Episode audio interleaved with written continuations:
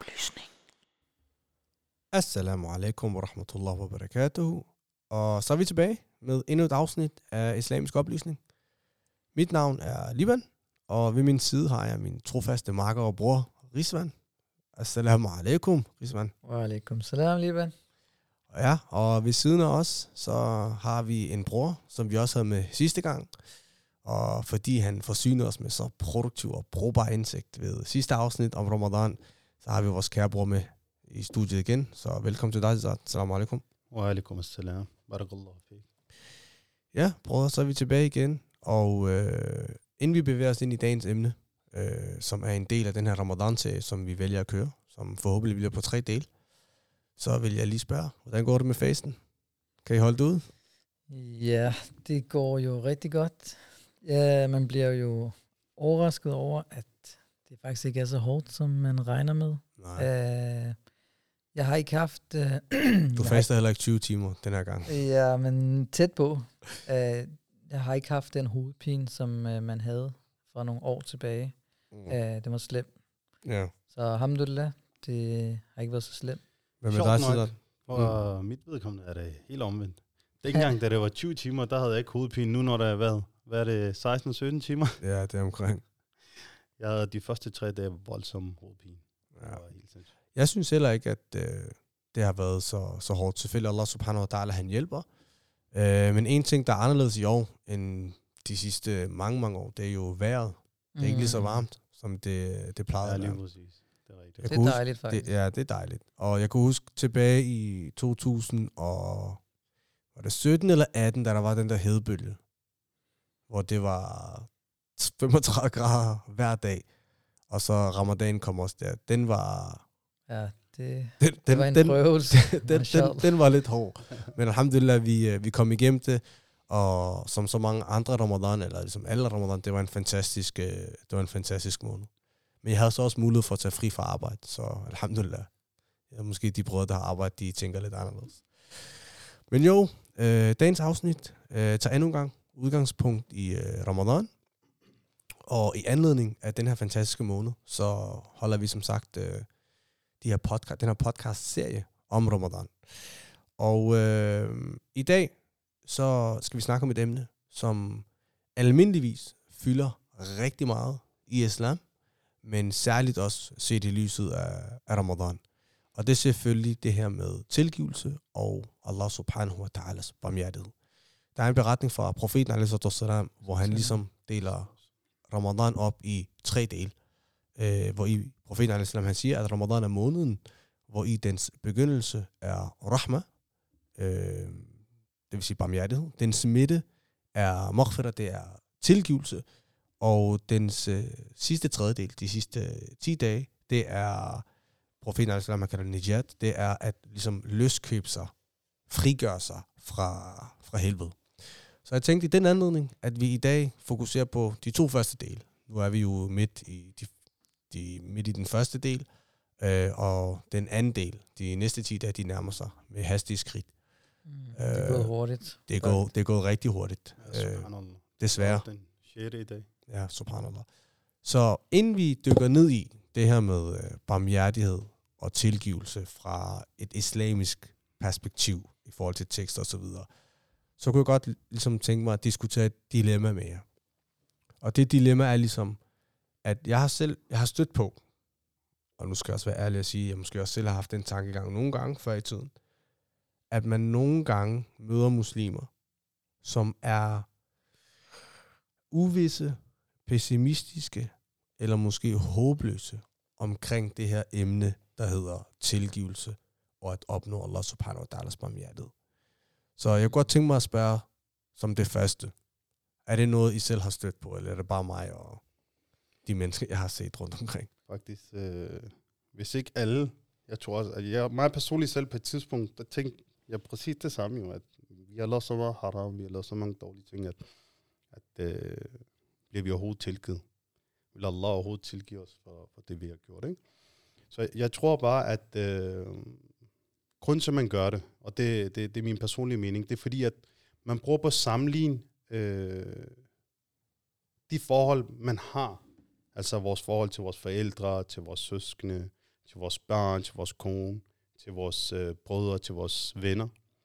Øh, du ved, selv ens mor, hvis du bliver ved med at ikke øh, adlyde hende, eller øh, overskride hendes grænser, så på et tidspunkt, så vil din mor også du ved, få nok, Mm. og kan finde på ikke at tilgive dig. Meget menneskeligt. Ja. Er det rigtigt? Mm. Og det er en, der er en mor, som, som har, har båret en i, i ni måneder efter det armet, og, og ligesom har gjort til dem, vi er i dag. Men selv ens mor, hun øh, vil ikke øh, tilgive, fordi man bliver ved med ligesom at overskride hendes grænser, eller fars grænser. Øh, på samme måde er det også med venskab. Altså os tre, lad os sige, vi sidder her, og vi bliver ved med at overskride hinandens grænser. Første gang, anden gang, tredje gang. Til sidst så kommer der på et tidspunkt, hvor man tænker, jamen, Jeg er træt af ham, så sagt. lige Mm. præcis, jeg er træt af ham, Shazad, han skal ikke ringe til mig, og hver gang han ringer, så ellers jeg blokerer ham. Ikke også? Øhm, så, så man tager de her forhold, man har med at gøre til dagligt, og så tænker man, jamen, mit forhold til Allah, hvis jeg er ulydig mod Allah, så vil Allah, vil han overhovedet tilgive mig. Fordi hvad er det, man har erfaring med? Hvad er det, man kender til? Det er jo de andre forhold, man har, men det er jo menneskeligt. Man skal passe på med sammenligne de her forhold, og så ens forhold til Allah subhanahu wa ta'ala. Mm. Fordi det er jo skaberen. Han har jo skabt os med, at vi vil fejle jo. Så at bede ham om tilgivelse giver mening, og at han tilgiver giver også mening. Ja, det, det er naturligt, at man øh, stiller sig selv det spørgsmål, spørgsmål om, bliver jeg tilgivet? Ikke? Øh, især hvis vi tænker på det her samfund, hvor mange ting, som øh, en, øh, en muslim kan blive udsat for i det her samfund. Så der sker hele tiden nogle ting, som gør, at øh, man føler, at man ikke er god nok. Mm. Øh, og det vil også være mærkeligt, hvis at vi tænkte, at jeg er god nok. Så mennesket har altid et eller andet inde i sig selv, der siger, jeg, ikke, jeg skal forbedre mig. Mm. Øh, og her der kommer spørgsmålet om tilgivelse ind, fordi at øh, hvis man spørger sig selv, bliver tilgivet, og svaret er nej, hvad skaber det? Det skaber jo øh, håbløshed. Pessimisme. Pessimisme og håbløshed. Ja. Så, så, så, så spørgsmålet om tilgivelse er vigtigt, at, øh, at man får besvaret. Øh, og jeg tænker, som du sagde, Shazad, at det, der er mange, som ikke tilgiver hinanden jo. Vi har, vi har hørt og set om familier, som har været uvenner i fem år, i seks år, i otte år, øh, i lang tid, på grund af små ting. Mm. Så, så, så vi oplever i vores dagligdag, at, at mennesket ikke er så god til at tilgive, Nej. øh, som det burde være. Ikke? Jeg tænker også, det er nemt at... Øh, øh, ikke for at afbryde dig, bror, men jeg tænker også, det er nemt, at ligesom Sadat han snakkede om, at man forveksler det forhold, man har til mennesker, eller de kutumer eller normer, som er imellem mennesker, om at nogle gange overføre det til Allah subhanahu wa ta'ala. Øhm, for eksempel, hvis, hvis du har en person, som har lavet en fejl øh, 5-10 gange på en arbejdsplads, og det er den samme fejl, Ja. er stor sandsynlighed for, at den person han bliver fyret. Han bliver fyret. Ja, ikke? Ja, ja, Og, så, og, og sådan har man relationer til alle mulige forskellige slags mennesker og forhold i sit liv. Og så kan det være meget nemt at overføre det til Allah subhanahu wa ta'ala, selvom virkeligheden er langt fra den samme i forhold til Allah subhanahu wa ta'ala. Noget, som vi selvfølgelig også kommer lidt dybere ind på bagefter. Ja, så, så som jeg sagde, det er, det er naturligt, at man kommer til at tænke på, bliver jeg overhovedet tilgivet? Fordi at man sammenligner sig selv med andre mennesker. Hvis, hvis jeg havde gjort det her mod en bror 10 gange, 20 gange, så vil jeg være ret sikker på, at den her bror ikke vil tilgive mig. Men, men det, som man, de, hvad hedder det, de ting, man begår over for Allah, det er hver dag. Det kan være et år. Eksempelvis, lad os sige, at man øh, ikke har lavet salat i et helt år. Så, så det er jo meget naturligt, at man tænker, prøv at se, jeg har været fraværende for islam i så lang tid. Vil Allah tilgive mig? Og samtidig med, hvis man måske begår uslamiske ting, hvis man drikker, hvis man øh, har en kæreste, eller hvad det nu er, så, så vil det være naturligt at tænke, er jeg overhovedet god nok til at blive tilgivet, fordi jeg har lavet så mange forkerte ting. Mm. Øh, og der, så tænker jeg, jeg, jeg stødt på et vers, Mm. hvis vi kan gå, Det er selvfølgelig hvis jeg går Achiberios. lidt videre af det, hvis det er fint med dig. Selvfølgelig Achiberios, Berios. Øh, jeg stødte på et vers, hvor Allah subhanahu wa ta'ala siger øh, i surah 39, så siger han, قل يا عبادي الذين أسرفوا على أنفسهم. Så Allah siger, at o min tjener, som har begået uret imod sig selv.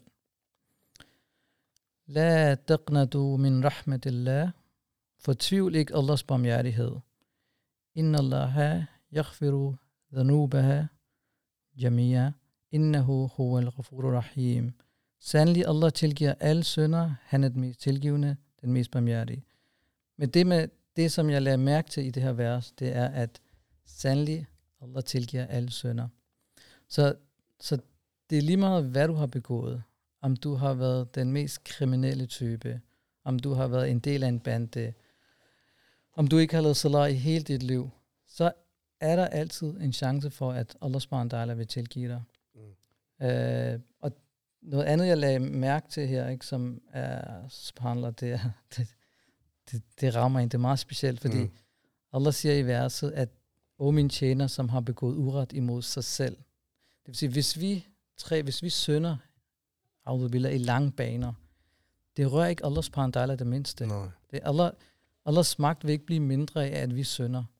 Vi kan begå, hele menneskeheden kan begå en million sønder, men det vil ikke påvirke Allahs parandala. Så i virkeligheden, når man sønder, så er det, så er det faktisk sig selv, man skader. Præcis, jeg, jeg tror så, også, at man... Ja, undskyld. Så, så det er sig selv, man skader. Så, så Allah, han kommer og, og faktisk siger til os, at selvom det er jeg selv, I har skadet, så vil jeg stadig tilgive jer. Mm, subhanallah. Der er også, øh, nu når du nævner verset her, øh, subhanallah, det er en af, en, af, en af de vers, som er virkelig, virkelig voldsomme, og den rammer en. Øhm, du ved, Allah han nævner tjener. Mm. Han siger ikke mormen, eller han siger ikke muslim, men han siger tjener. Mm. Øh, jeg læste tafsir på verset på et tidspunkt, og det er fordi, at når Allah øh, siger tjener, så er det fordi, at om du er muslim eller ikke muslim, Allah siger, at dørene til tilgivelse er åbne, både for den, som er muslim, og den, som ikke er muslim. Det vil sige, hvis en, en, en ikke-muslim indser, at måden, han har levet på, har været forkert, og der findes en ilah, og det er Allah subhanahu wa ta'ala, og Muhammad sallallahu alaihi er hans profet, og laver iman, så vil Allah tilgive alle hans sønner. Det vil sige, selv den, som ikke er muslim, han skal heller ikke føle sig hvad? Fortvivlet. Mm. Og, og, og, og, og tro, at der er ligesom at fortvivl på Allahs øh, barmhjertighed og hans tilgivelse. Ja, plus det, det har noget at gøre med, at man også man sætter barriere op for sig selv. Jo. Man sætter mentale barriere, psykiske barriere op for sig selv. Nu bor vi i, øh, i et samfund, som på alle ledere kanter er anderledes, end, end det vi måske er, end det vi er overbevist om. Ja. Um, meget anderledes, ja. Meget, og det er nemt at fange, at blive fanget i en livsstil, som jo er normen. En anden ting var, hvis, hvis vi antog, at samfundet var skruet sammen helt anderledes. Okay? Og du så op, altså hvis samfundet var skruet sammen sådan islamisk, og du så opførte dig uislamisk, så vil du jo skille dig ud. Men det gør du ikke rigtigt i det her samfund jo. Øh, og, og det hænger også sammen med det, vi snakkede om i første afsnit i forhold til identitet. Det her med, at man er overbevist om en bestemt ting, og man har nogle værdier øh, indgroet dybt i ens hjerte, men man lever øh, en, en helt anden livsstil. Man fører en helt anden livsstil. Ikke? Øh, og så opstår de her mentale barriere, som man sætter sig op for sig selv, og som er en hindring for, at man kommer tættere på Allah subhanahu wa ta'ala. Og der er også... Øh, der jeg, jeg, jeg tænker også, øh, hvis, hvis billedet af Allah subhanahu wa ta'ala er en form for negativ. Ikke? Islam bliver jo fremlagt negativt, det bliver fremlagt som om noget, øh, det er kun straffe, det er Allah subhanahu wa ta'ala hård, han straffer, øh, der er de her, de her regler i islam, Øh, hvis man måske fra barnsben ikke har, har fået den rigtige forståelse af, hvad, hvem Allah er, subhanahu så, så, vil ens, så vil billedet være en form for negativt. Mm. Så hvis du allerede har et negativt billede om Allah subhanahu at han er, han er streng, han straffer, så, så, er det lidt, så skal du lidt længere hen øh, for at vide, øh, eller så, så forståelsen om tilgivelse er lidt sværere, fordi så ser du ikke den her barmhjertighed. Øh, mm som Allah, Allah subhanahu har. Uh, og når man tænker over det, så siger han selv, at hans barmhjertighed overgår hans vrede. Ja, ja. Ikke? Så, og, og den vinkel, hvis man ikke har fået den fra barn, barns ben af, så, så er det lidt svært, ikke? Ja, og plus man, man, man, altså det er nemmere at, at tænke på den anden måde jo, fordi det betyder bare, at du kan fortsætte med den der problematiske livsstil. Jo. Hvis du, hvis du går rundt med en tanke om, at, at øh, sådan indirekte eller direkte, bevidst eller ubevidst, ikke går rundt med en tanke om, at, at ja, Allah subhanahu wa ta'ala, han ikke vil tilgive mig, eller, eller Allah subhanahu wa ta'alas barmhjertighed, den omfatter ikke mig. Det er et meget problematisk udgangspunkt at have jo, men det gør bare, at du bare fortsætter med din livsstil. Ja. Øh, og det er selvfølgelig dybt problematisk. Der er en øh, beretning, som virkelig også fanger det her med Allah subhanahu wa ta'alas øh, barmhjertighed. Og det hænger sammen med noget, som både du sagde og også Zat sagde i, øh, i, øh, lige før. Du, øh, der er en beretning, hvor øh, en sahabi, der hedder Abu Sa'id al-Khudri, anhu, han beretter, at profeten han sagde, at øh, Iblis, det vil, det vil sige shaitan, han sagde øh, til Allah, øh, ved din mægtighed, jeg vil blive ved med at føre din tjener på afvej, så længe deres sjæle findes i deres kroppe. Øh, så siger profeten, at Allah subhanahu wa ta'ala svarede ham, ved min mægtighed og min majestæt, så vil jeg blive ved med at tilgive dem, så længe de beder mig om tilgivelse. Oh, ikke? Og, det, og prøv at se, lad os, nu skal jeg være ærlig, ikke? Det er jo et underligt udgangspunkt, måske lidt problematisk begreb at bruge, men det er alligevel et underligt udgangspunkt, som vi ikke rigtig kan opfatte. Fordi de fleste mennesker, og det er det Allah subhanahu wa ta'ala, han overgår mennesket. Øh, vi, vi kan godt begribe og opfatte grænserne for menneskets barmhjertighed. Selvom i islam, man skal være, hvis, hvis man håber på Allahs barmhjertighed, man skal være barmhjertig mod hinanden. Men vi er trods alt stadig mennesker. Der er grænser for det her. Vi er, vi er tilbøjelige, vi er svage, vi er alle de her ting. Allah subhanahu wa ta'ala, han overgår alt det her. Så nogle gange det kan være svært at forstå det her udgangspunkt at så længe de beder mig om tilgivelse, så vil jeg tilgive dem. Og det er Allah subhanahu wa ta'alas udgangspunkt. Og det eliminerer jo alle de ting, du kan gå rundt og tro i dit hoved. Det passer mm. ikke. Fordi Allah subhanahu wa ta'ala, det er en beretning, ud af, jeg ved ikke, hvor mange tekster der er i islam, både i Koran og øh, via profeten. Så det er ligesom udgangspunktet for Allah subhanahu wa ta'alas barmhjertighed. Hvis du søger Allah med et, og det var så smukt, så smukt, så smukt, hvis du søger Allah subhanahu wa ta'ala med et oprigtigt hjerte, et oprigtigt hjerte, mm. og er fuld af anger, og har et oprigtigt ønske, om ikke at vende tilbage til den fejl, du har lavet. Allah subhanahu wa ta'ala vil tilgive dig. Lad os så sige, at du falder igen i fælden. Mm. Og du ved, nøgleordet her er oprigtighed. Men at du vender tilbage til Allah med oprigtighed, Allah subhanahu wa ta'ala, han vil tilgive dig. Og det er bare, det er bare virkelig, virkelig smukt udgangspunkt at, at have, ikke? Ja. Men øh, en anden ting, jeg godt kunne tænke mig at øh, ligesom spørge jer om. Hvad, hvad, hvad tænker I, eller tror I, er nogle af de faktorer, der ligesom hæmmer folk i at øh, søge om tilgivelse, lave doba? Øh, skyldes det, at man måske ikke har den indsigt og den forståelse, eller den adgang til de tekster, som der findes ufattelig mange af? Eller skyldes det, at fordi man er i et fællesskab eller et miljø, hvor man ikke rigtig snakker om sådan nogle der ting? Øh, hvad tror I, det skyldes? Hvad er nogle af de måske mere grundlæggende faktorer til, at folk ikke, øh, at det her ikke er en, en, en fast praksis hos folk? Jeg tror, det er, det, det er både fællesskabet, øh, men også, også det her med, at øh, man ikke har viden omkring, omkring øh, de her emner. Ikke? Bare de beretninger og vers, jeg er kommet ind på indtil videre. Altså, det er voldsomt jo. Mm. Hvis, hvis, hvis de her folk, eller muslimer, og os, øh, inklusiv os, øh, hvis vi kender til de her vers, og vi kender til de her øh, hvad hedder det, beretninger, så er det klart, når du så udfører et eller andet haram, så vil du vide alligevel, at, at, at prøv at jeg skal tilgive, og den eneste, der kan tilgive mig, det er Allah subhanahu wa ta'ala. Og hans mm. øh, tilgivelse stør, den er åben konstant. Øh, men men øh, en anden ting er også, øh, som jeg tror, det er, at man skal også have en forståelse for, at det handler jo heller ikke bare om tilgivelse, fordi du kan også, den kan også give den effekt, at man tænker, jamen, jeg vil lave haram, jamen jeg bliver alligevel tilgivet. Mm. Den, den har jeg Mm. sikkert også hørt, jo, eller folk der... Den, den, får- den Ja. tankegang eksisterer også derude. Ja, eller... eller jeg forholder mig først, når jeg bliver gift, eller lige jeg skal præcis, nok, inshallah, jeg laver hajj, så bliver jeg helt lige ren, og så... Lige præcis. Allah er barmhjertig, trods Allah, alt. lige præcis. Så den kan også give den effekt. Øh, man skal jo se på, øh, hvornår også en tilgivelse bliver accepteret. Det er også meget vigtigt. Mm.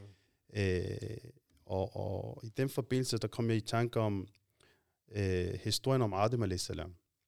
I ved, ulema, de siger forskel mellem Adam a.s. og Iblis var, fordi Iblis, han lavede fejl også jo. Allah Shaitan. siger, ja, shaitan, at øh, de engle skulle bukke sig for Adam a.s. og Iblis skulle også. Men Iblis sagde, nej, jeg er blevet skabt af ild, og han er blevet skabt af jord. Hvor skal jeg bukke mig? Øh, så han begik hvad? En stor synd, Mm. Iblis. Adam a.s. Når Allah øh, lod ham komme ind i Jannah, så siger øh, Allah subhanahu wa ta'ala til ham, at lev som du vil, og spis af alt, hvad du kan se. Men lad være med at komme i nærheden af træet. Mm. Hvad gør Adam a.s.? Han kommer i nærheden af træet og spiser fra ham. Som Allah har sagt, at han ikke skulle. Okay? Øh, straffen for det var, at Allah subhanahu wa ta'ala sagde, at I skal ud af Jannah og hvad Mm. hedder, nedsætte den til jorden. Ulema siger så her, at Adam a.s. han fortrød så meget, og han kunne indse sin fejl, at det han har lavet er forkert. Til sådan en grad, at han blev ved med at sige, ja Allah, hvad, og han vidste faktisk jo ikke engang, hvordan han skulle sige, øh, bede om tilgivelse. Jo. Han vidste ikke, hvilken ord han skulle bruge. Fordi Allah nævner sig i Surat al-Baqarah, at vi nedsendte nogle kalimat til ham. Det var nogle ord, vi nedsendte, som han så reciterede, hvor han bad Allah subhanahu wa ta'ala om tilgivelse. Mm. Men hvad er så forskellen på Iblis, Shaitan og Adam a.s.? Det, der var forskel, det er, at Iblis, han fortrød. Han kunne se det, han har gjort, og der er undskyld. Ja, Adam a.s. ja. han fortrød, og han kunne se det, han gjorde, var forkert. Hvorimod Iblis, han var arrogant. Han blev ved. Han var arrogant og blev ved og Mm. sagde, nej, jeg skal ikke øh, underkaste mig den her person. Han er skabt af jord, jeg er skabt af ild. Mm. Øh, så, så det er også meget vigtigt, at når man ser, indser, at man har fejlet, eller man har lavet noget forkert, og man vil bede om tilgivelse, det første skridt til tilgivelse, det er jo, at du fortryder dig Oprigtigt. selv oprigtigt. Jo. At du kan se, at det, du har lavet, er forkert. Men hvis du kan se, at du har lavet noget, der er forkert, så vil du heller ikke have den her følelse af, at jeg vil bede om tilgivelse. Nej, præcis. Jamen, det er også det, jeg tænker, ikke? Det er, som du siger, at det er indsigten, indsigten i, at øh, du faktisk godt kan blive tilgivet. Fordi hvis mange, øh, mange, der ikke har den indsigt, har selvfølgelig en naturlig forståelse af, at jeg ikke bliver tilgivet. Men jeg tænker også, øh, der er mange, der gerne vil ændre sig. Rigtig mange, der gerne vil forandre deres liv af muslimer. Og specielt i Ramadan måned. Der, der, der er rigtig mange, de, de prøver, og de prøver, og de prøver, og de prøver. Og så finder de altid ud af, at de havner tilbage, Mm. hvor de var før Ramadan måned. Øh, og det som vi tal, og det talte vi jo lidt om sidste gang, at, at man bliver nødt til at lægge en plan for, hvordan vil jeg gerne ændre mig. Ikke? Det, nogle gange er det nemt at sige, at jeg vil gerne ændre mig, men hvis man ikke konkret finder ud af, hvad er det, der skal til, for at jeg ændrer mig. Og det kan for eksempel være, at man skal give afkald på nogle ting. Eksempelvis, som du nævnte, fællesskabet. Hvis du går med nogle personer, som ikke forholder sig, hvis du går med nogle personer, som ikke tænker på at lave salat, som ikke tænker på at faste, som ikke tænker på at komme tættere på Allah, hvad sker der med dig selv? Så vil du heller ikke tænke over det.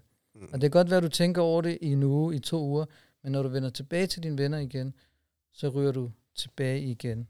Øh, og derfor så bliver man nødt til at lægge en strategi for, hvordan skal jeg ændre mig? Hvad er det, der, hvad kræves det? Fordi et er, at du selvfølgelig, øh, i første omgang, så skal du selvfølgelig bede Allah subhanahu om at, at retlede mig. Du skal sige til Allah, jeg vil gerne ændre mig, hvordan, øh, eller kan du hjælpe mig, Allah, med at ændre mig? Og så skal Allah nok sørge for at skabe nogle muligheder for dig, hvis du altså selv tager initiativ. Mm. Hvis du bare siger, jeg vil gerne tage mig sammen, men man gør ikke rigtig noget. Nej. Eksempelvis, hvis du gerne vil begynde at lave salat, men du begynder ikke at lære, hvordan man laver salat. Der er jo masser, der gerne vil lave salat, men de ved ikke, hvordan de skal lave salat. De, de ved ikke, hvordan man reciterer al-fatiha. De ved ikke, er det to rakat, er det tre rakat, hvornår skal gå maghrib ind. Det vil sige, salat i sig selv er jo ikke så simpelt, som man tror. Der er en masse regler.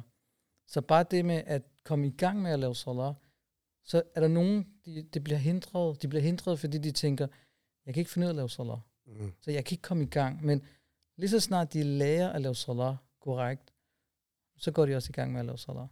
Ja, Ikke? præcis. Men ja, jeg, jeg, kan ikke, jeg kan ikke lade være med at tænke på, øhm, at jeg, jeg ved ikke, for, for mig personligt, ikke? Øhm, især hvis man har, når man, når man først bliver introduceret til islam i en forholdsvis relativt ung alder, så bliver du introduceret til islam, og der er et gardin, der bliver løftet for dine øjne. Øh, de ting, der kunne stille din tilfredshed før, bliver du ikke rigtig tilfreds med. Fordi du begynder at tænke i helt andre baner. Du tænker, at omdrejningspunktet for dit liv, det skal være at gøre Allah subhanahu wa ta'ala tilfreds. Øh, det her liv, det er kortvejt. Det her liv, det er ikke evigt. Øhm, en eller anden dag, så kommer vi til at stå foran Allah subhanahu wa ta'ala, og det eneste, vi kommer til at stå foran ham med, det er vores handlinger. Hvad har vi gjort for ham? Okay? Har vi adlydt ham? Har vi ikke adlydt ham? Og så videre, og så videre. Så når man, det, får man, det fik jeg så i en ung alder. Okay? Men jeg skal være ærlig indrømme, det var måske først for et par år tilbage, hvor det virkelig gik op for mig, ikke? Omfanget af Allah subhanahu wa ta'alas barmhjertighed. Ikke?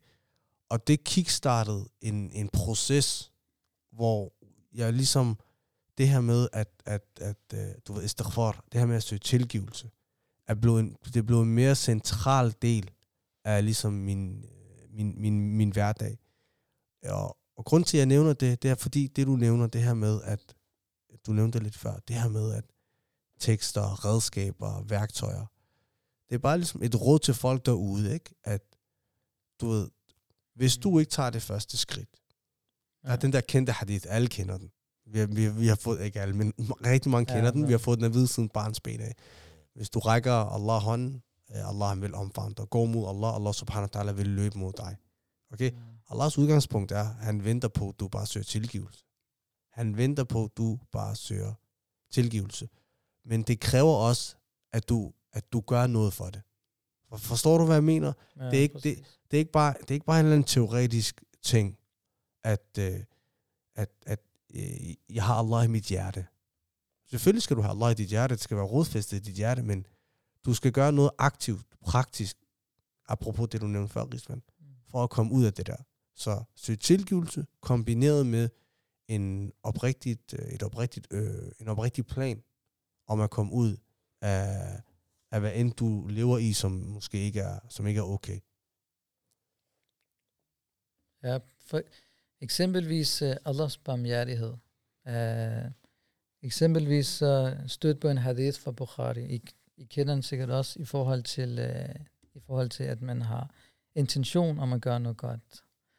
Eksempelvis hvis, hvis Shazad, du gik over, nu arbejder du, du har ikke nogen chef, men lad os sige, du, hvis, hvis du sagde chef, til din, du er din egen chef. hvis du sagde til din chef, i morgen, så tager jeg på arbejde. Og så tager du ikke på arbejde. Mm. Giver din chef dig løn? Nej.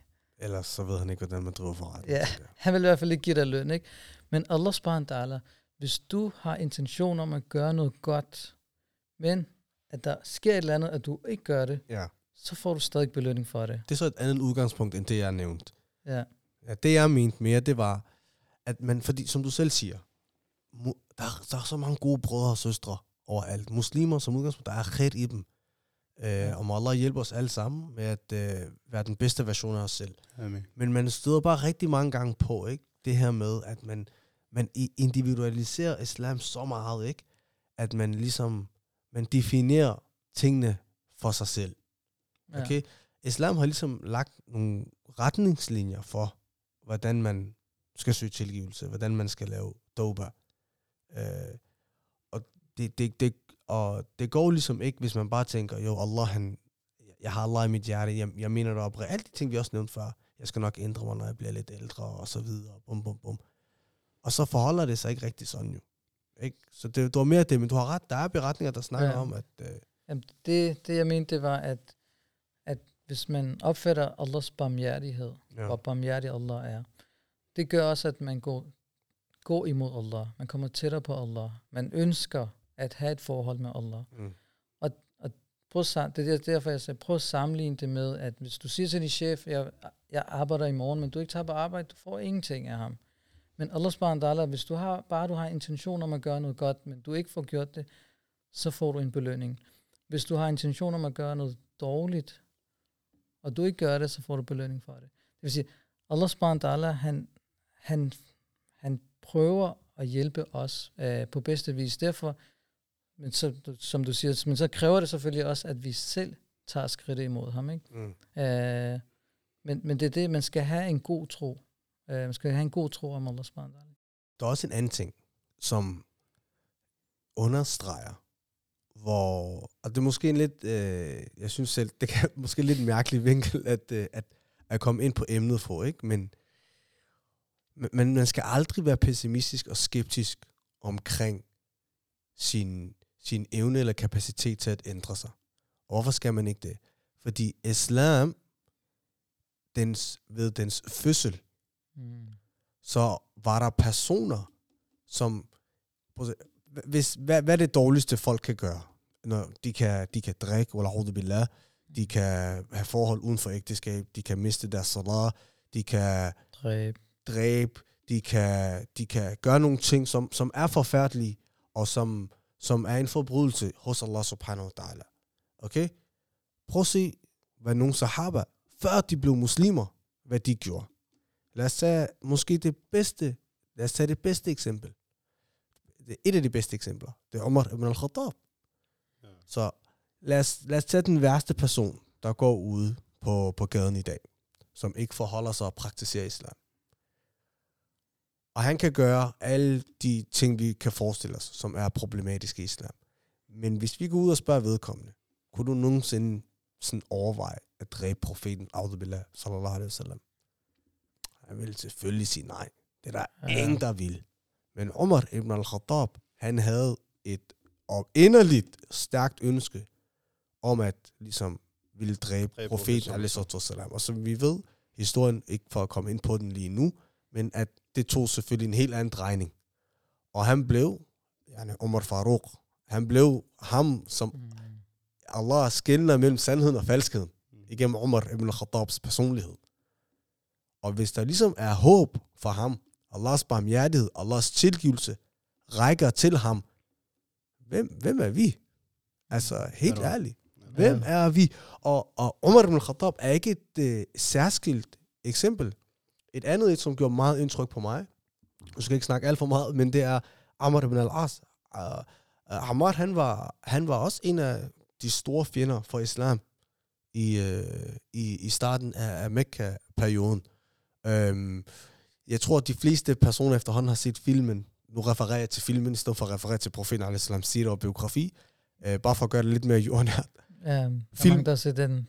Den scene, ja, hvor de er i Abyssinien, øh, hvor Ali radiallahu anhus bror Jafar og en række andre sahaba er ligesom... Øh, de Det er, så, fil, det er filmen The Message, ja, filmet The Message. som du taler Det om. vil Ja. nok være en god idé at nævne det. Det er den Ja. film, uh, The Message. Uh, The Message. Um, og den person, der argumenterer for, at Najashi, kongen, skal udlevere muslimerne, det var, det var, hvad hedder det nu, øh, det var Amr ibn al-As, Mm. subhanallah. Og så er der selvfølgelig også mange andre beretninger, som nævner, hvordan han var som person, før han blev muslim. Hvis der er håb for ham, hvad er der så ikke for os? Ja. Jeg tænker også, nogle gange så mangler man eksempler. Ikke? Fordi det er nogle gange svært at se sig selv i... Det er klart, vi kan ikke se fremtiden, men det er svært at se, okay, det som jeg laver lige nu, bliver tilgivet. Vil Allah tilgive mig? Fordi den der direkte linje, den er der ikke jo. Det er ikke fordi, du får svar, ja, du er tilgivet. Bare Ja. det var sådan der, men desværre, det er det ikke. Men nogle gange så bliver vi nødt til at kigge tilbage på eksempler. Har vi nogle eksempler fra, hvor der er nogle personer, som er blevet tilgivet for noget, som de har gjort? Og der har- har jeg fundet et i Bukhari, øh, hvor profeten sallam sagde, nu, nu nævner jeg den øh, meningsmæssigt, at der var en mand, han havde begået så mange synder imod sig selv. Og han, han var så bange for, at han skulle dø. Så da døden den nærmede sig, og han var bange for at møde Allah subhanahu så sagde han til sine sønner, til sine børn, at når jeg dør, så brænd mig, og så knus mig, og så efterlade min aske i vinden. Mm. Ikke? Fordi hvis Allah, min herre, får fat i mig, så vil han straffe mig, som han aldrig har straffet nogen før. Og så gjorde hans børn så det, at, øh, som at de har fået besked på, og så sagde Allah subhanahu til jorden, frembring det, du har taget. Og så blev ham der manden levende igen. Så spurgte Allah ham, hvad var det, der fik dig til at gøre det der? Og så sagde han, det er fordi, jeg frygtede dig så meget, min herre. Så tilgav Allah ham. Ikke? Så det, det eneste, der skulle til for ham, det var bare, at han frygtede Allah. Han frygtede at møde Allah, fordi han havde begået så mange sønder. Mm.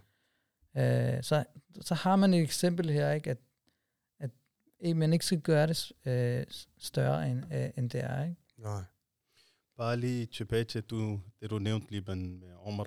Jeg kunne ikke lade være med at sige, at, øh, at profet Salah, som sagde også øh, omkring ham, at hvis der skulle være en profet efter mig, så ville det være Omar. Prøv Subhanallah. at forestille dig, den person, der havde tanker omkring tre profet Salah, når han så omfavnede, omfavnede islam, profet Salah, som øh, nævner ham som en person, som vil være profet, hvis det var Allah tillod det. Mm. Øh, så det er voldsomt, at profet sallallahu alaihi gav den her status til øh, Omar bin Khattab. Og bare for at nævne i forhold til Amr øh, ibn al-As, der er også en fantastisk detalje i forhold til lige præcis hans historie. Det er, at han var en af de største fjender i islam. Og han siger faktisk til Sahaba, han, øh, efter han konverterede, en lidt længere beretning, jeg skal nok skåne jer for, mm. for, Mm. for den, men den pointe, det, jeg, det er jeg rigtig glad for, det er, han, han siger til Sahaba, at før jeg blev muslim, der var ikke et hus, jeg hellere ville se blive destrueret, end profeten, Muhammad sallallahu alaihi wasallam. Så, så. Yani, når jeg så ham lave sajda, jeg blev, altså han blev provokeret, irriteret, han ville træde på ham. Okay? Det vil sige, at han havde et voldsomt, selvfølgelig, men irrationelt, voldsomt had til profeten, altså Så siger han, i det øjeblik, jeg er konverteret, okay, blev han den mest kærlige person for mig i mit liv. Og så siger han, og det er den her sætning, som slog mig.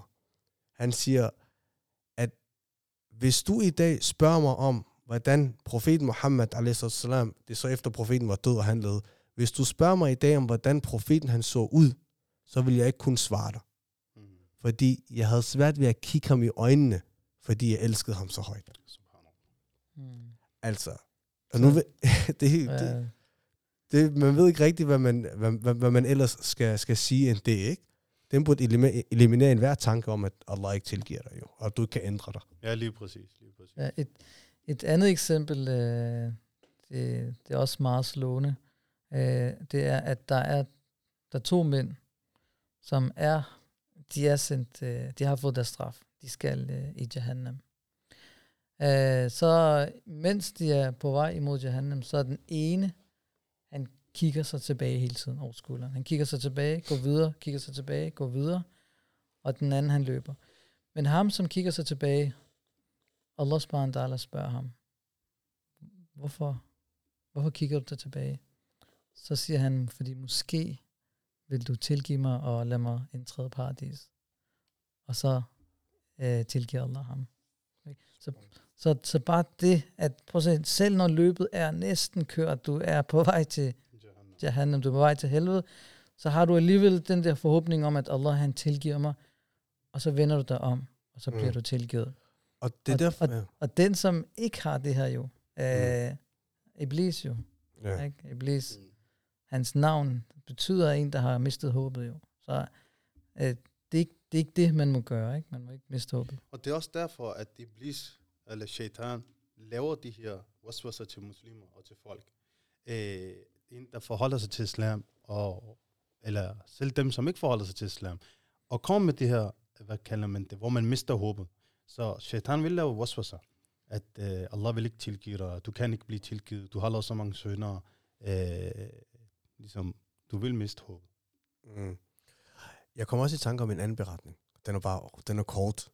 Men lige præcis i forhold til det her med at have forhåbning om Allah subhanahu wa ta'alas øh, barmhjertighed, men samtidig også, det skal man også passe på med, fordi der er også en anden tankegang, som kan opstå, som kan eksistere derude. Det her med, at prøv at se, Allah han er fantastisk barmhjertig. Mm. Jeg Jeg, lever- kan bare lave alt, hvad jeg har lyst til. Jeg kan lige lave alt, hvad jeg har lyst til, om end det der, at man ikke siger det med tunge, det er den tanke, der så småt sniger sig ind i ens bevidsthed jo. Mm. At øh, jeg har tid nok til at ændre mig. Selvom man ikke har en kontrakt med Allah om, hvornår ens liv bliver taget. Det vil også være en rigtig god ordning, hvis man Ja, havde det. ja, det kan være i morgen, du ved det ikke. Du ved ikke, hvor- hvornår det er. Tag på en vilkårlig gravplads, og så se på, øh, se på datorerne for, hvor gamle folk er, når de bliver taget væk fra den her verden. Du ved ikke, hvornår du dør. Men den der tankegang og tilgang til lige præcis det her spørgsmål, den kan også opstå. At, øh, at, at du ved, jeg ved ikke, hvornår jeg... Eller undskyld, jeg, jeg, kan, jeg, jeg har, Allah han er barmhjertig, og jeg har masser af tid. Jeg er kun 20, 25, 30, 35 år. Jeg skal nok nå at søge tilgivelse lige inden jeg, inden jeg dør. Og det kan godt være endnu en gang, det kan godt være, at du ikke siger det med tungen. Ikke? Men den eksisterer i en eller anden afkrog. Præcis, den ligger i bevidstheden, og den gemmer sig i en eller anden afkrog øh, i dit hjerte. Og der, i den sammenhæng, så er der en beretning. Du er Anas bin Malik, anhu, han beretter, at profeten, han en gang han kom ind til en ung mand, og den her unge mand, han var, han var døende. Øh, hvad hedder det nu? Og så sagde profeten til ham, hvordan har du det? Og så sagde han, O Allah sindebud, jeg er forhåbningsfuld over for Allah, det vil sige, jeg håber på, regner med faktisk, Allah subhanahu wa ta'alas barmhjertighed, og jeg frygter for mine forseelser, det vil sige for min fejl. Så siger profeten, a.s.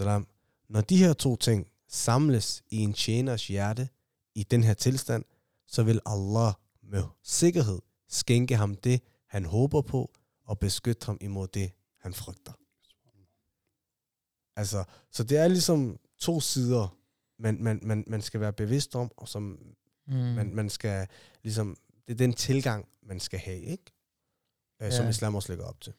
Ja, et andet eksempel, du ved, det, det, det ramte mig faktisk rigtig meget. Det er, at øh, der er en øh, i surah 85, vers 10, så, så snakker Allah subhanahu om nogle, om nogle folk, øh, grøftens folk, Mm. som, øh, som, to, ja, som torturerede øh, muslimske mænd og kvinder og børn. Øh, kun fordi, at de troede på, øh, på Allah. Så det, de gjorde, det var, at de gravede nogle, øh, en grøft, øh, puttede muslimerne ned, og så satte ild til dem. Øh, og hvis I kan forestille jer, den her søn, ikke? en af de værste sønder, som vi ved, det er at, at dræbe et, et andet menneske. Men prøv at tænke på at brænde et andet menneske, ikke? Mm. som er endnu værre. Øh, så de her folk, øh, i, som, som, er, som man kalder det, de der grøftens folk, de her, på trods af det, de havde gjort, så fik, så gav Allah stadig, åbnede Allah stadigvæk en dør for dem i Mm. verset, ikke? Fordi han siger i verset, øh, han siger, at, at dem, som torturerede de troende mænd og de troende kvinder, hvis de, hvis de ikke søger om tilgivelse, så vil de komme i helvede. Mm. Ikke? Og de vil have en straf, som er, at de bliver brændt. Men det der ord, hvis de ikke søger om tilgivelse, der åbner Allah subhanahu en dør for dem. Så prøv at forestille jer, det værste, man kan gøre her, du kan ikke sammenligne det med det, som de har gjort. De brændte mænd, kvinder og børn.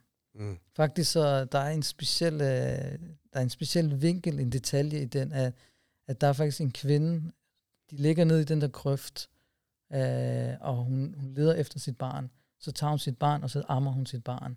Ikke? Og, øh, altså altså, hun tager sit barn, så, så barnet faktisk, barnet kan se på moren, at hun er bange. Mm. Så, så barnet, der siger til moren, bare roligt, øh, det du gør, det er det rigtige. Det vil sige, at barnet kan ikke tale, men Nej, i den situation, så kan barnet tale. Ikke? ja, så, så, men, men det der er ved det, at Allah han giver stadigvæk en mulighed for, at de her folk, som har begået den her kæmpe, kæmpe, kæmpe synd, at hvis de, hvis de, eller de kan bede om tilgivelse for Mm. det, de har gjort. Jeg tænker lige også, der er en anden ting, inden jeg giver dig ordet, Cesar, ikke? og så kan du måske koble det, du har at sige til det. En ting er, prøv at se, vi kan sidde her i rigtig, rigtig lang tid, ikke? Og i næsten i... Og komme med beretninger Ja, og altså, koran. præcis. og... Fordi der, der er så mange Ja. fantastiske beretninger og tekster om lige præcis det her punkt. Mm. Øh, det fylder exceptionelt meget i islam. Så, så en ting er, at folk, vores kære lytter derude, øh, lytter til alle de her beretninger. Øhm, men så, så skal det ikke bare forblive ved det jo. Mm. Der skal jo noget praktisk til. Mm. Fordi en ting er, du lytter til en hel masse beretninger, du bliver, du bliver påvirket af det i, for en stund, øh, og måske bliver du endnu mere påvirket af det, end du normalt vil, fordi det er Ramadan. Øh, men faktum er, okay, det bliver ved påvirkning. Det har ikke en, måske for nogle mennesker, så har det ikke en, en øh, det spiller ikke en så aktiv rolle for dem, at det går hen og ændrer deres adfærd, går hen og ændrer deres livsstil, øh, og så videre. Øh, jeg tænker, at vi også bliver nødt til at ligesom adressere det, øh, og, komme, og komme ind på det. Øh, ja, i forhold til det, øh, så tænker jeg, at bare hvis man hører de her beretninger, og Ja. inshallah, jeg håber, at den her podcast, den kommer til så mange som muligt. Amen. Øh, især brødre og søstre, som kan, kan lære at høre de her beretninger, og inshallah er med til at ændre den. Øhm, men selv hvis de hører beretningerne, eller Koranvers, og de ikke ændrer lige der, et eller andet sted, så sidder det fast. Mm. Giver du mening? Ja. Fordi at, øh, meget personligt, man, man har hørt de her beretninger, man har hørt de her øh, koranvers, men man ændrer måske ikke lige på stedet. Men de sad fast et eller andet sted, og de blev ved med, hver gang, så man, hvis man gjorde noget, så fortrød man det. Mm. Hvorfor? Fordi de her beretninger, de her, hvad kalder man det, øhm, vers, de sidder fast. Øh, men det, der skal til praktisk, det er, at man, man, man ændrer sin, sin, sin, hvad hedder det, omgangskreds. Hvis man ved, okay, det er en omgangskreds, jeg begås i, det er kun folk, der ikke beder, det er folk, der ikke, hvad hedder det, forholder sig til islam, det er folk, der ikke men kun laver u, hvad hedder Islamiske det, ting. Ja, uislamiske ting. Så det første skridt vil være, at ligesom komme kom væk derfra Mm. øh, og, og søge hen imod folk, som forholder sig, eller søge hen imod øh, ens ældre i familien. Øh, der er jo ældre i familien, som, som, som laver salat, øh, som forholder sig. Tal med dem. For, forklar, hvilken situation man sidder i, øh, og hvordan man kan, man, man kan løse det her. Ikke? Ja, eller kan de også skrive ind til Islam Forening for Islamisk Oplysning. Um, og så vil vi inshallah også uh, prøve at kunne hjælpe folk, hvis de står i nogenlunde samme uh, dilemma. Men det er noget, jeg tænker tit over. Fordi uh, at, at, at der er, som, som, som vi også har snakket om før, altså muslimer er gode. Mm. Udgangspunktet er, at muslimer, nej, muslimer er gode. Og, uh, Det er det, mig. og, og, og de, de, de har mange gange et... Øh, og vi, ingen af os er perfekte, det kommer vi også ind på, mennesket vil fejle. Der er også mange beretninger omkring det, at mennesket, øh, mennesket fejler. Øh, men mange gange, der, der er... Fordi ligesom... Du, dengang vi var, vi var, vi var små, ikke? Øh, eller vi var teenager, ikke? Adgang til islam og islamisk viden, ikke? Var okay begrænset for at kunne få indsigt i islam og viden omkring islam, du internettet var relativt begrænset, så du skulle ligesom aktivt gå over og opsøge folk i moskeen eksempelvis. Og det er selvfølgelig i og for sig selv også godt nok. Men Mm. i dag, subhanallah, alt er en, en, en portal for viden i islam. Ja, online, der er masser, ja. Masser og masser af ting, ikke? Men alligevel så ser man, at i, i et større og større omfang, ikke? At der er mange, der lytter til podcast eller oplæg og læser ting og sager på nettet, men det har ikke den der det har ikke den der effekt, hvor de ligesom ser på deres liv og tænker, det her det er problematisk, jeg kan ikke blive ved med at leve sådan her, om jeg så er 16 år, om jeg er 25, 30, 35 år, lige meget hvad jeg er, det har ikke den der påvirkning på dem. Og det her, jeg tænker på, ligesom det, du kom ind på, Cesar. Okay, der skal være nogle praktiske skridt. En ting er, vi søger tilgivelse. Allah han er den mest barmhjertige. Men der skal nogle praktiske skridt til.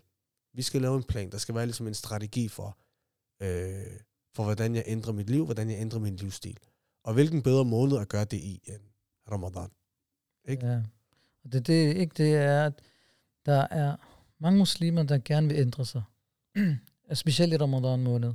Der er rigtig mange, der sidder og tænker, nu, nu vil jeg gerne ændre mig. Uh, det, det er der tanken starter. Det er der det hele starter med, at du gør op med dig selv, at det liv, jeg lever lige nu, det er ikke, det, det er ikke den måde, som livet skal leve, leves på, for at jeg bliver lykkelig. Mm. Det er islam i sidste ende, der får mig til at blive lykkelig. Øh, men, men nogle gange er det ikke nok. Nogle gange så skal du, som du nævner, der skal nogle praktiske skridt frem. For eksempel, hvis du gerne vil begynde at lave salat, hvis du gerne vil begynde at bede, men du ved ikke, hvordan man beder. Ikke? Så, hvis, og i bede sig selv, det, det har jo nogle regler, det har noget, du, du skal kunne recitere nogle ting, du skal kunne vide, hvornår øh, bønnen går ind, og hvad for nogle regler der Mm. er. Hvis du ikke er sikker på dig selv, at faktisk jeg kan lave salat, hvad sker der så? Så sker der det, at man ikke starter på sin salat. øh, derfor så, så man bliver nødt til at lægge nogle planer, som vi ligesom nævnte øh, sidste gang. Du bliver nødt til at lægge nogle planer, en strategi for, hvis jeg gerne vil ændre mig, hvad kræves det så af mig? Og der er nogle gange, nogle gange, øh, hvad hedder det, nogle gange så bliver man nødt til at lave nogle offringer. Eksempelvis fællesskabet. Øh, fordi hvis Den, I, den I, kan være svær for folk, den der. ja, I har sikkert hørt det der med, at der er nogen, de er bange for at ændre sig, fordi de tænker, hvad vil, hvad vil mine venner sige? Mm. De vil tænke, slap af, er du blevet hellig? Er det bare på grund af Ramadan? Så begynder du at lave salat, og begynder du at bede. Øh, du skal ikke tro, du er bedre end os. Ikke? Og Ram- Ramadan muslim. Ramadan muslim. Ja. Og det ser vi nogle gange, ikke? at der er nogen, der kritiserer andre, øh, hvis man begynder at tale om islam, hvis man begynder at blive lidt mere islamisk, Mm. så, så kritiserer de det her. Selvom faktisk jeg stødt på, øh, der var en sahaba, øh, Ibn Masud, han sagde, at hans udtalelse, at en af de største synder hos Allah er, at hvis en mand siger til sin bror, frygt Allah, så svarer den anden, pas dig selv, skal du ret på mig.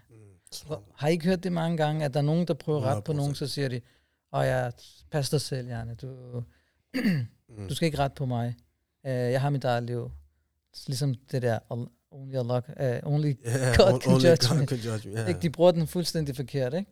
Uh, så, så nogle gange så skal man, uh, man skal lægge en strategi for, hvordan, hvad kræver det for, at jeg ændrer mig? Hvis Mm. det kræver, at jeg giver afkald på mine venner, Så er det det. så er det det, jeg gør.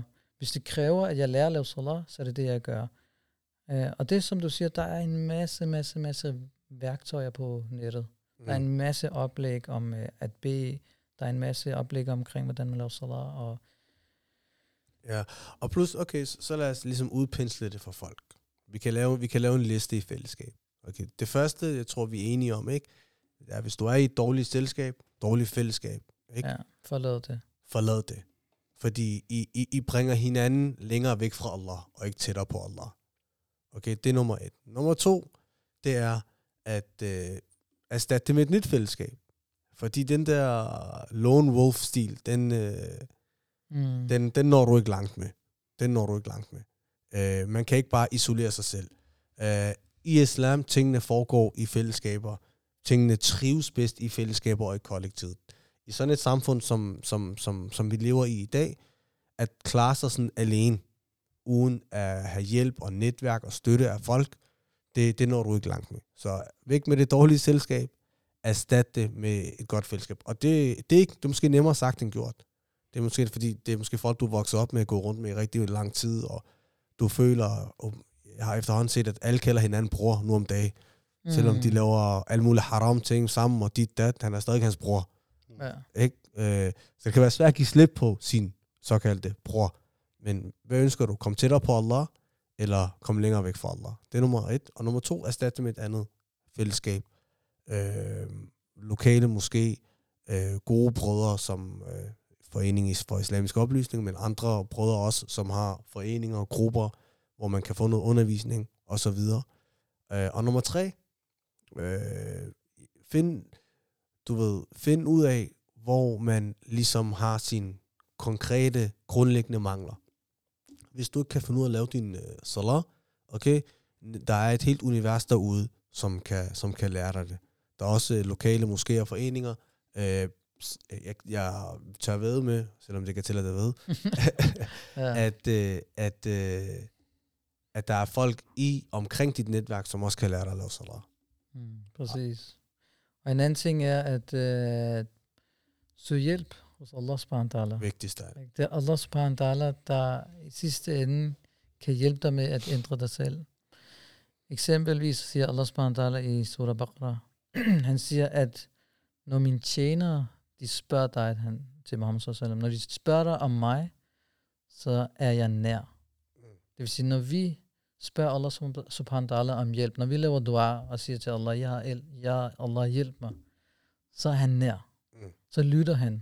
Det vil sige, at vi skal ikke bruge nogle andre folk, for at Allah subhanahu wa ta'ala skal lytte til os. Så lige meget hvem du er, om du er den største sønder, hvis du først tager dine hænder i vejret og spørger Allah subhanahu wa ta'ala om hjælp, så er han nær. Mm. Fordi han siger, efterfølgende Allah subhanahu wa ta'ala, han siger, jeg svarer kaldet fra enhver, der påkalder mig. Så der, lig, der ligger ikke nogen begrænsninger. Der er ikke nogen begrænsninger for, at det er kun, hvis du laver salat, så lytter jeg til dig.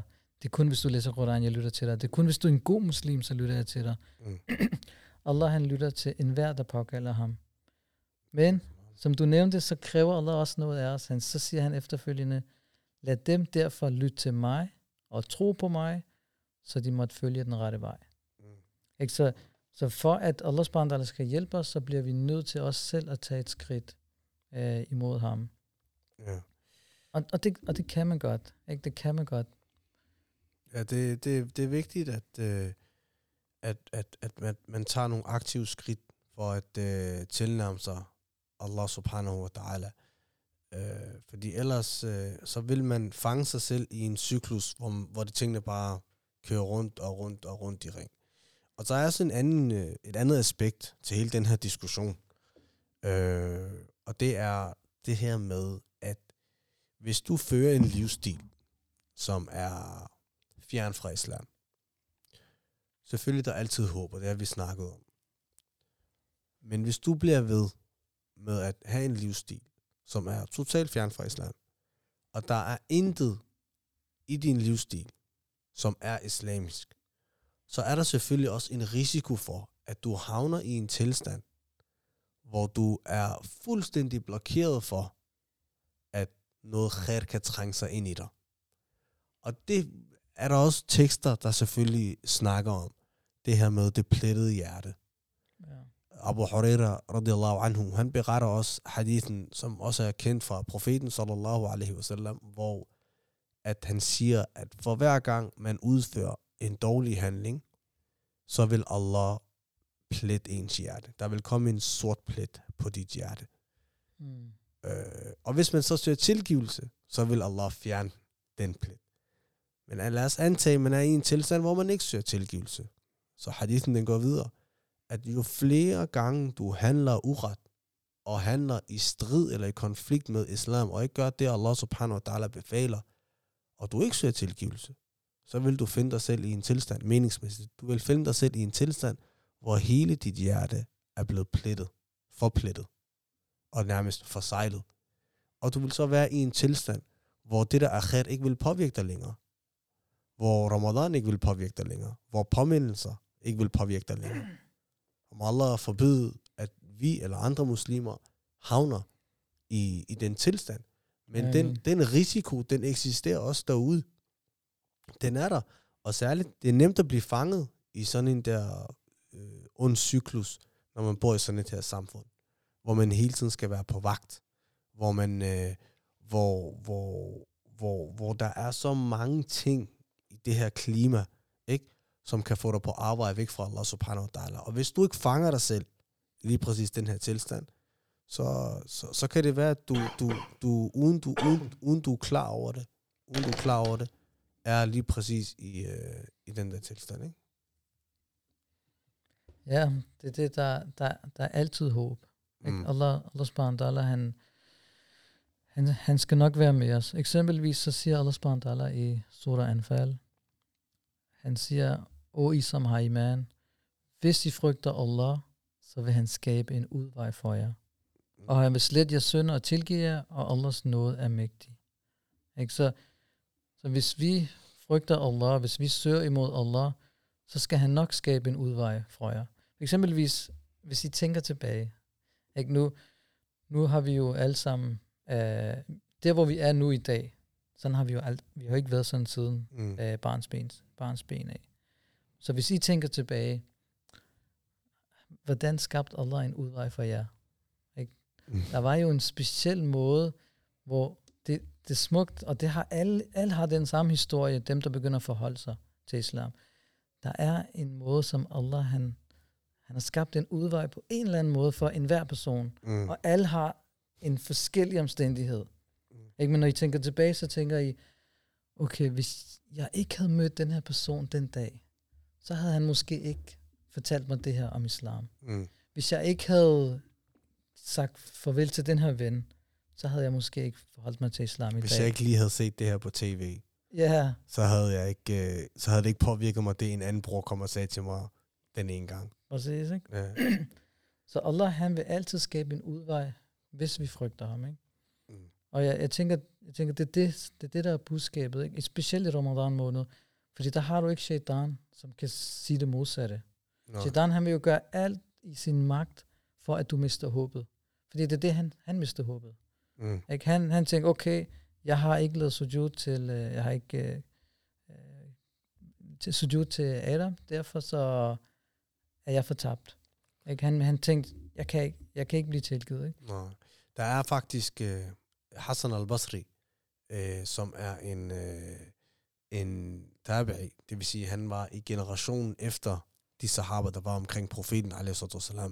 Han sagde faktisk, at shaitan, han ønsker at gøre dig, at, at det at lave doba, det at søge tilgivelse, han ønsker at trætte dig i det, således at du bliver træt af det.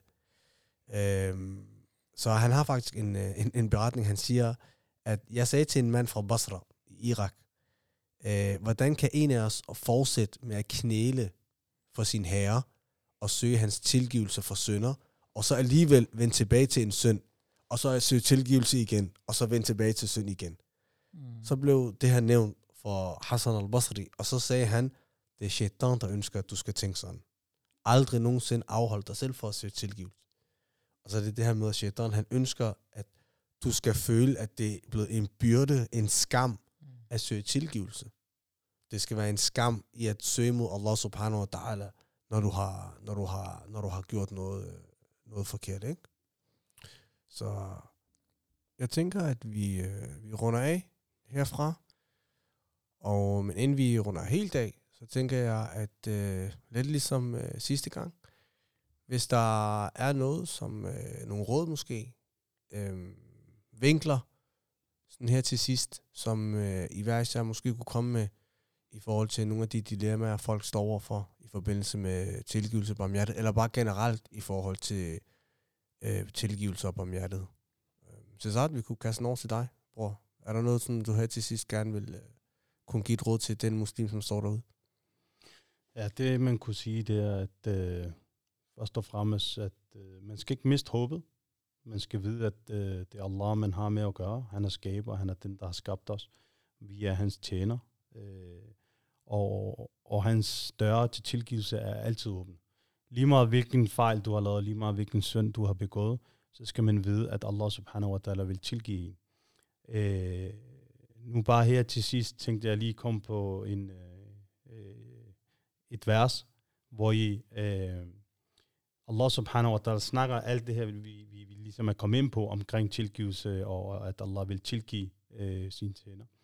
Øh, der er et vers i surah al-Furqan, øh, hvor Allah, inden jeg lige nævner verset, øh, de to øh, vers før det, der nævner Allah subhanahu wa ta'ala øh, om øh, folk, der, der, der, hvad hedder det, øh, der ikke øh, stiller noget ved siden af Allah subhanahu wa ta'ala. Det vil sige, de begår ikke shirk. Øh, de, de, de begår ikke mor. Øh, at øh, dræbe et uskyldigt øh, sjæl, menneske. Noget, som Allah subhanahu wa ta'ala har gjort hellig. Øh, det er folk, som ikke øh, begår hår. De laver ikke zinder. Altså alle de her ting, som Allah nævner i verset her, det er alvorlige sønder. Det er stort, det er voldsomt. Mm. Øhm, men så siger Allah subhanahu wa ta'ala, men dem, som så gør det her, de vil få en alvorlig straf. Og vi vil på Yom al-Qiyamah fordoble deres straf. Ikke bare med, at de vil få straf, men Allah vil fordoble deres øh, straf, og de vil for evigt blive i, i den tilstand, hvor det er, at de vil få straf. Men så kommer verset, hvor Allah subhanahu wa ta'ala siger, Illa man taba, men undtal dem, som laver tawba, wa amana, og laver iman, wa amila amalan salihan, og dem, som udfører gode gerninger, for ulaika yubaddilul sayyiati hasana. Allah subhanahu wa ta'ala vil øh, gøre deres dårlige handlinger til gode handlinger. Mm. Wa kana Allahu ghafurur rahima, og Allah er den tilgivende barmhjerte. Så det var lige det vers, jeg vil lige Ja, vil, subhanallah, må Allah belønne dig. afslutte med. Øh, Mm. Så vi skal huske, at Allahs barmhjertighed og tilgivelse er meget stor. Hvem er dig, Risman? Har du noget Ja, her til? Jeg vil sige, som Shazad siger, at til vores brødre og søster, øh, ikke mist håbet. Øh, altid have god tro og om dig selv og Allah. Øh, Allah skal nok tilgive dig. Øh, men, men sørg for at sørg for at gøre dit, for at Allah subhanahu wa ta'ala, han, øh, han, han viser dig en udvej. Ikke tænk over de beretninger og de vers, som er blevet nævnt i dag. Øh, reflekter over dem virkelig. Øh, reflekter over deres betydning. Øh, sæt dig ind i versene, læs versene, øh, beretningerne, læs dem, læs mere omkring tilgivelse og barmhjertighed. Øh, få et kendskab til Allah subhanahu wa ta'ala, som den, den mest barmhjertige. Øh, når man gør det, så, så vil man helt klart komme tættere på Allah subhanahu wa ta'ala. Og det bedste råd, det er selvfølgelig at udnytte den her måned, Ramadan. Mm. Den kommer ikke, øh, når den er slut, så går der et år før den kommer. Så, ud, så udnyt den, og hvis den overhovedet kommer, fordi det kan være, at Allah subhanahu wa ta'ala tager vores sjæl inden næste Ramadan. Mm. Så udnyt muligheden her i Ramadan måned. Nej, må Allah belønne dig. Smukt, øh, smukt råd. Jeg tænker, at vi runder af med en øh, dua fra profeten, alaihi salam.